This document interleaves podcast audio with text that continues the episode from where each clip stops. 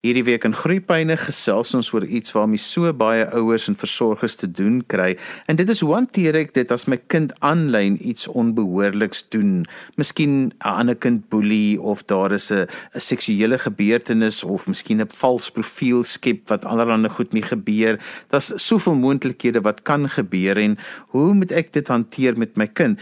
My twee gaste vandag is Charlotte Fourie en sy is 'n dosent by die Wolkskool en dan het ek ook vir Jacqueline Voog Vogel en sy is 'n opvoedkundige sielkundige in privaat praktyk in Centurion. Kom ons begin by jou Jacqueline. Die hele situasie van aanlyn onbehoorlike gedrag. Dit gebeur nou daagliks, maar dit is vir ouers 'n absolute nagmerrie want jy vind dit baie keer uit wanneer dit klaar gebeur het.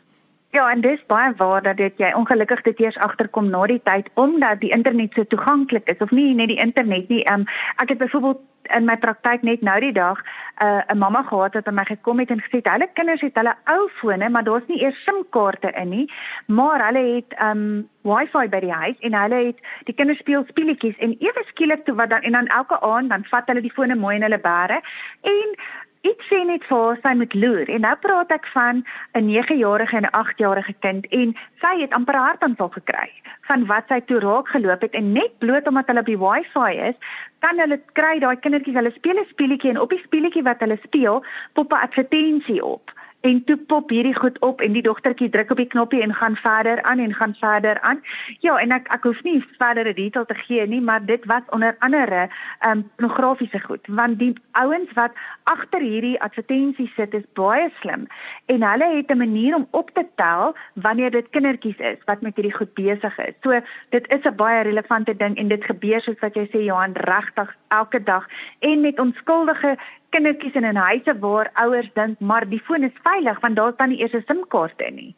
En ek wil dit nog 'n bietjie verder vat want hier is vir my twee aspekte. Aan die een kant is dit miskien my kind wat eksperimenteer of wat stout is of wat iets aanvang wat hy nie moet aanvang nie, soos wat kinders mos nou maar doen en hoe hulle ook moet leer op die ou end wat is reg en verkeerd. Maar dan het ons 'n tweede aspek hier waar 'n kind ook die prooi kan wees van iemand wat um, op die ou end hulle groom en dan hulle inlei in goed en is die kind eintlik onskuldig. So aan die een kant het ek dalk 'n onskuldige kind wat verlei word versus baie keer is dit dan ook 'n skuldige kind wat net stout is en dit maak dit so moeilik vir 'n ouer om te onderskei maar waarmee werk ek hier?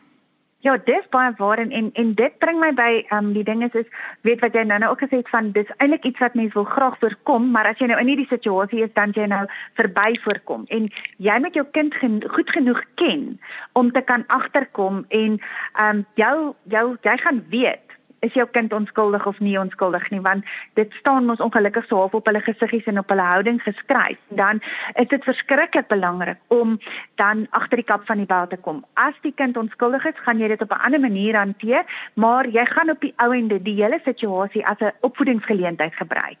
Of jou kind nou onskuldig was en of jou kind nou die skuldige ondersoeker was en die boelie was of of wat ook al was dit gaan oor eerstens moet jou kind besef van hoe gevaarlik is dit om jouself bloot te stel aan inligting op die internet. En dan daai hele ding van en dan baie mooi te verduidelik van hoe wyd is daai inligting dan vers, um, beskikbaar in die clouds en wie het dan almal daartoe um, toegang. En met ander woorde dan ook amper half ekstreem te gaan en te sê is onthou nou net as daai iemand jou inligting kry as jy iets op die internet gesit het dan beteken dit hulle gaan terug na van waar af jy dit ingesit het en hulle kan jou naspeur en dan kan hulle uitvind wie jy is waar jy bly, wie wie se op wie se naam is daai foon of is daai instrument en dan kan hulle uitkom by pappa en mamma se ID-nommer of pappa en mamma se bankbesonderhede en ons adres en dit het al gebeur dat mense dan op daai manier ander ouens se bankbesonderhede kry en hulle rekeninge leegtrek.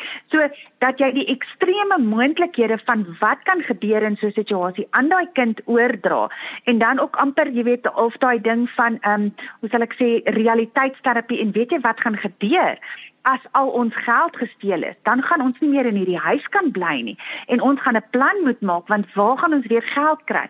Want baie keer het die kind die idee maar hierdie is 'n onskuldige ding. Ek kyk mos nou net op hierdie skermpie en hulle besef nie die implikasie daarvan, jy weet vir hulle en hulle gesin nie. Dit kom nog nie eers uit by die impak wat dit het op die ander mense wat daarbey betrokke geraak het en dan nog eers soos wat jy ook nou gesê het, die grooming en daai tipe ding nie want ja, dis soos jy sê, dis amper twee aparte goed, maar mens moet 'n reël maak ook amper met jou kind van As jy nie iemand van aangesig tot aangesig kan sien nie, dan moet jy baie mooi dink, wat sê jy daar? Is dit iets wat jy vir daai persoon sou sê of is dit iets wat jy vir iemand sou gewys het dit waarna jy nou kyk? Is dit iets wat jy na sou gekyk het as daar ander mense by was of is dit iets wat jy sou gewys het vir iemand anderste as 'n mens van aangesig tot aangesig betrokke was? Ja, ek wil as ek hierso kan inval Johan, net by Jacqueline aansluit en by al wat sy gesê het. Dit is ongelooflik moeilik. Hierdie kinders word groot met hierdie tegnologie en dit is hulle dis hulle vriende. Hierdie tegnologie is absoluut deel van hulle lewe. Dit is hulle tweede hand. Ehm um, dit is baie anders as in die wêreld waar ons groot geword het en ehm um, ons ouers en ehm um, vir hulle sien dit nie noodwendig as iets negatiefs nie. En so jonk as 4 jaar oud. Uh, my eie kinders kan 'n slimfoon baie goed hanteer, soms so uit nature uit. En sê op baie jong ouderdom al moet ons as ouers vir daardie leerders kan of inlig, inlig soos Jacqueline gesê het oor hierdie risiko's, oor moontlike moontlike scenario's waarin hulle gaan beland aanlyn. Ons moet vir hulle sê, jy kan dalk sekere sekere goed sien wat vir jou hierdie emosies gaan um, opwek of jy gaan seker goed teekom wat jou gaan laat wonder. Ehm um, en dan moet jy daardie oop verhouding met jou kind van van kleins af af bou sodat hulle die vrymoedigheid het in daardie situasie of wanneer daai situasie kom om dan nou dit met jou te deel en dan hopelik kan jy met daardie daardie strategie om hulle in te lig heeltyd van die gevolge van hierdie spesifieke situasie, spesifieke gedrag, hoekom is dit verkeerd? Ehm um, watter gevolge gaan dit hê op hulle lewe, op ander mense se lewe, ook op hulle loopbaan eendag as hulle groot is?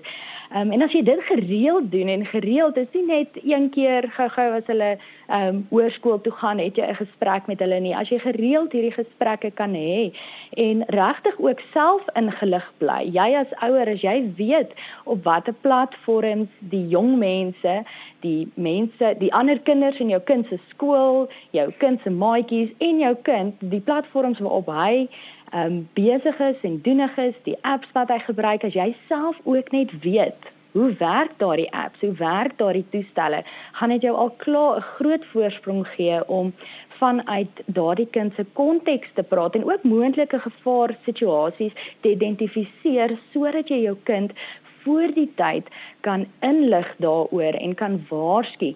Ehm um, sodat jy net daardie daardie voorkoming kan doen eerder as die genesing.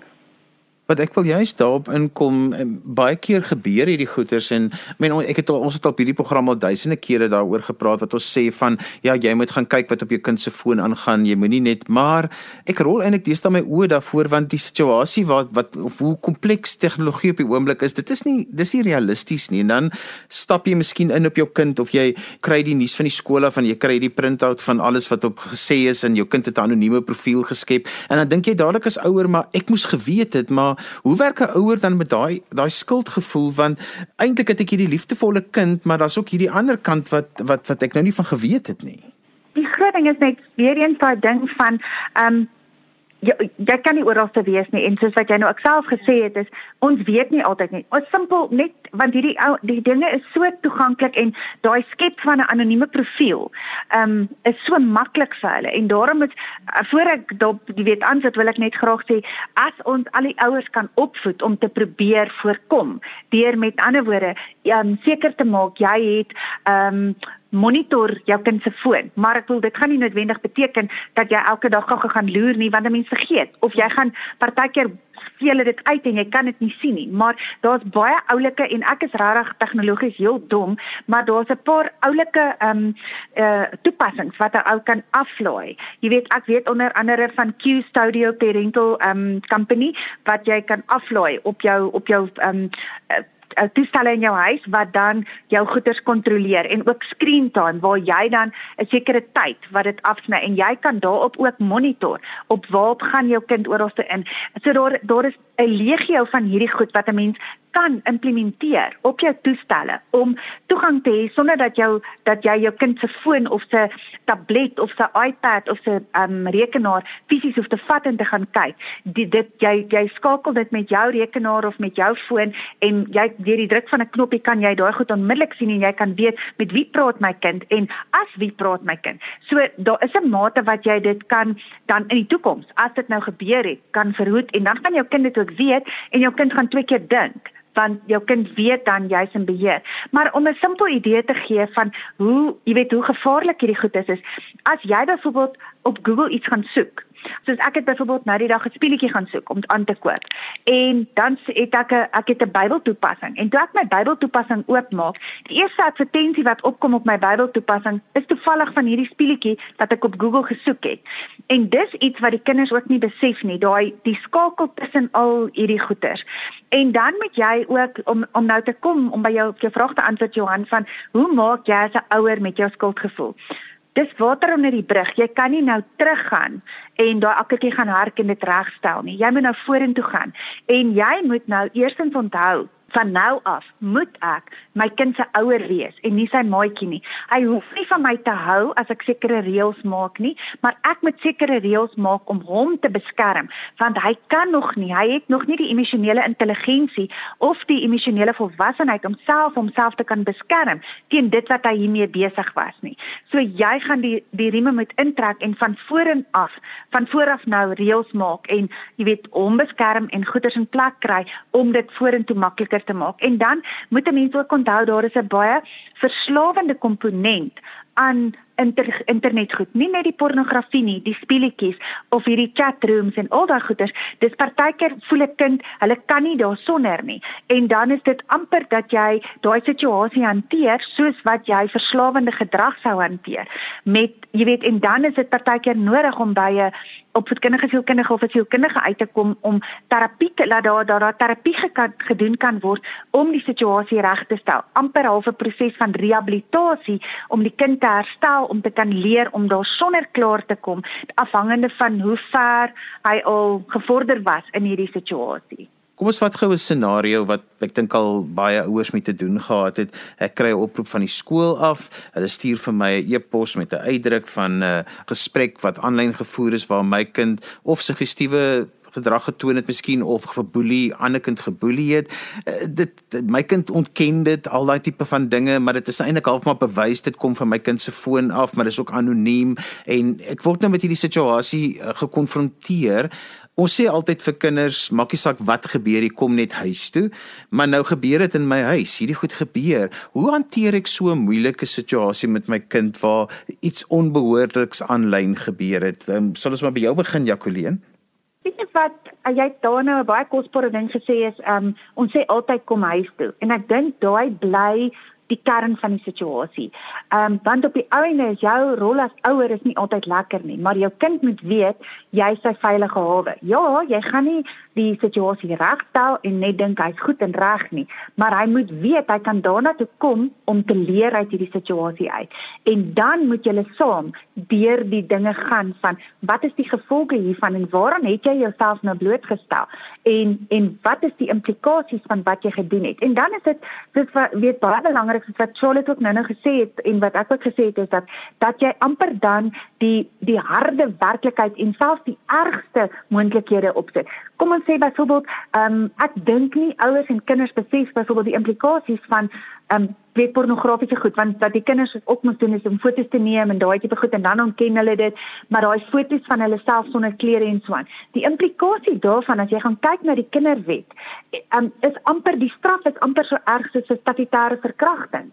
En die kinders en die ouers besef dit nie en omdat die kind minderjarig is, kan die ouer aanspreeklik gehou word. En um, maar ek wil daar's baie detail daar rondom maar wat belangrik is is, is dat jy daai realiteit met jou kind deel, maar dat jou kind nog steeds besef, maak nie saak wat jy verkeerd gedoen het nie. Ek bly lief vir jou, maar ek aanvaar nie hierdie gedrag van jou nie en daarom sal daar um, gevolge wees. En dan is dit belangrik dat 'n ou dan invul want daar gaan waarskynlik gevolge van die skool se kant af kan wees om die situasie te hanteer, maar dat daar dan um, sekere gevolge van jou kant af um, moet wees want onthou om kinders groot te maak, om 'n kind op te voed is jou doel op die einde om vir jou kind te leer om eendag 'n volwaardige volwassene te kan wees.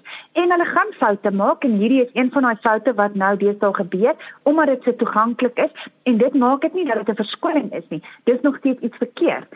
In die vroeëre tyd in die ou dae was dit eenvoudiger goed. Jy het nie eiers gebreek op die buurman se kar nie, dan jy boude pak slaag gekry. Nou lewe ons in 'n komplekse tyd. Die die oortreding is baie meer kompleks en moeilik en stel baie dinge meer bloot. So jou straf moet ook ook aangepas word. 'n Pak slaag gaan nie noodwendig die oplossing wees nie. In elk geval mag ons nie vandag in se tyd meer pak slaag gee nie, maar daar moet 'n gevolg wees vir die vir die daad wat hy gedoen het. Want ek bedoel juist dit van baie ouers se eerste reaksies om 'n kind se foon byvoorbeeld weg te vat, maar die kind moet nog steeds met jou kommunikeer. Ja, die ding is wat mens dan kan doen is is ehm um, jy kan die foon op 'n beperkte manier dan teruggee want ehm um, en die ander kant die realiteit is ook jy moet ook mooi dink, moet die kind regtig met jou kommunikeer. Die meeste skools en ehm um, skole se reëls is hulle mag in elk geval nie deur die skooldag hulle fone hê nie. As hulle hulle ouers moet kontak, kan hulle enige tyd na die kantoor toe gaan en hulle die ouers kan gekontak word. Maar wat jy dan doen is, is dan gee jy vir jou kind 'n simpel klein pikswart foontjie, nie 'n smartphone nie, waarop die kind vir jou 'n please call nie kan stuur. En jy sorg dat daar, jy weet, so jy maak die jy neem bietjie van die tegnologie weg, maar wat belangrik is is jy neem nie net weg nie. Die kind moet die rede verstaan. Jy moet verduidelik en daar moet jy weet dit dit um, en waarom jy dit wegvat en dan moet dit dit moet sin maak. Jy weet en hy moet iets uit die proses uit leer. Jy weet nie net van okay, ek vat nou jou foon en oor 'n week kry hom terug en dan gaan die proses net weer aan nie. Daar moet 'n hoe sal ek sê verduideliking, inligting oorgedra word in hierdie proses. En ek dink ook ouers ehm um, net so ietsie kort moet dalk die erns van die hele situasie besef en nie noodwendig daardie emosies wat hulle ervaar, daai skok, daai kwaad, daai skuldgevoelens, nou daai emosies gebruik en die situa situasie hanteer nie, want hulle kry nou so skaam oor wat gebeur het en nou sal hulle sommer gaan en alles in hulle vermoë doen om die kind se onskuld te bewys en dalk net hulle eie emosies apart hanteer en apart verwerk en dan in 'n die die kind se emosies en die kind se ervarings probeer verstaan om regtig te te bepaal wat was die oorsaak hiervan en hoe om dit dan te hanteer want dit is baie maklik vir 'n ouer om uit sy eie skok uit 'n situasie nie goed te hanteer nie. Ah, jy het hier nou 'n belangrike punt aangeraak van die oorsaak. Ja, ek stem saam.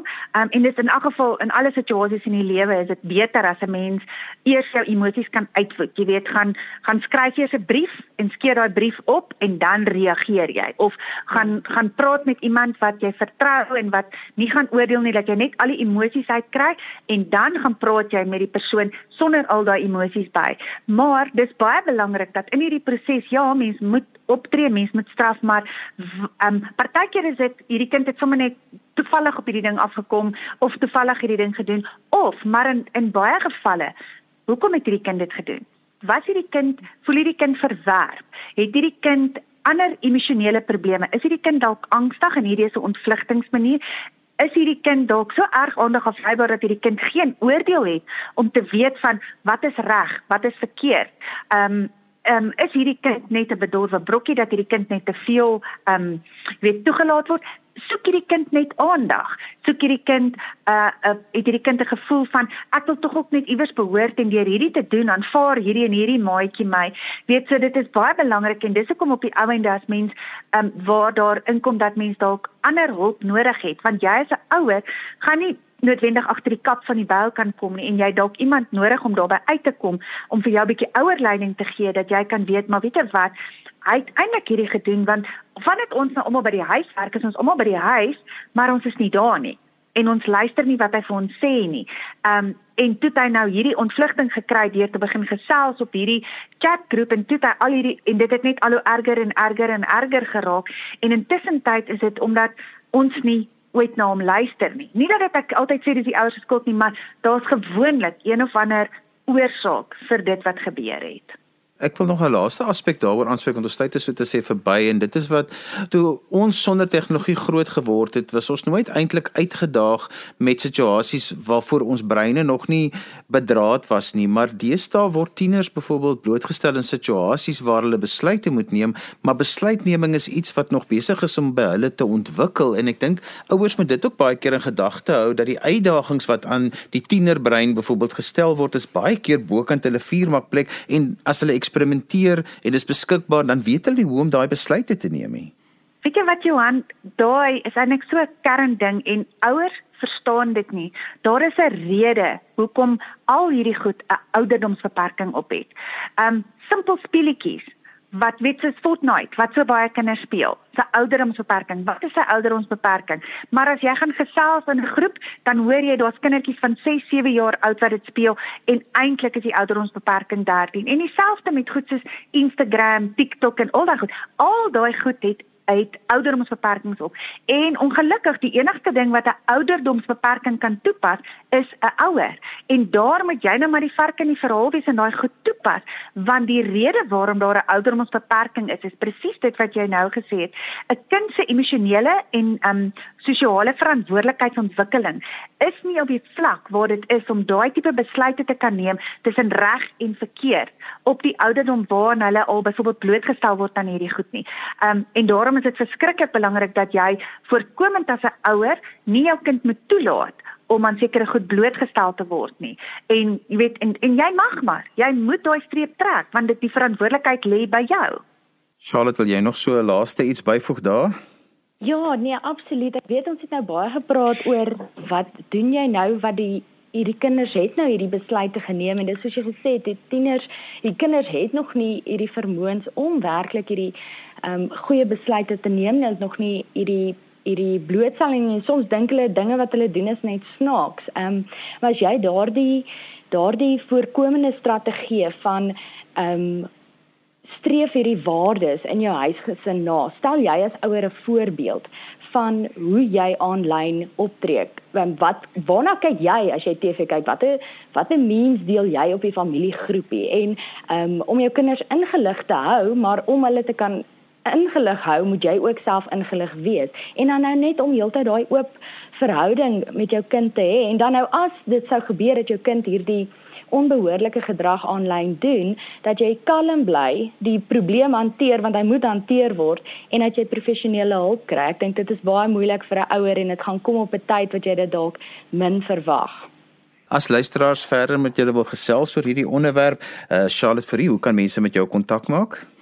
Hulle kan my gerus 'n e-pos stuur by charlotte@skole.co.za En dan Jacoline Vogel, hoe kan mense met jou gesels en ook ek weet jy het 'n privaat praktyk so jy kan help as daar 'n krisis is? Ja, weet jy wat ek dink die maklikste is ook dan maar um my e-pos want dit is weet jy alles nie altyd toeganklik op die foon nie. Jacoline, dis J A C O L E E N V G L @gmail.com. En so gesels my twee gaste Charlotte Fourie en Jacoline Vogel en ons het gepraat oor hoe hanteer ek dit as my kind iets onbehoorliks aanlyn doen, al die situasies waarin hulle kan beland en wat kan ek as ouer en versorger in sulke situasies doen? Onthou jy kan weer na vandag se program luister as 'n potgooi as jy sopas ingeskakel het en die program misgeloop het, gaan net na rsg.co.za en daar's 'n duidelike skakel oor hoe om by die potgooi uit te kom. Skryf vir my e-pos by groeipyne@rsg.co.za. daarmee groet ek dan vir vandag tot volgende week van my Johan van Lille. Totsiens.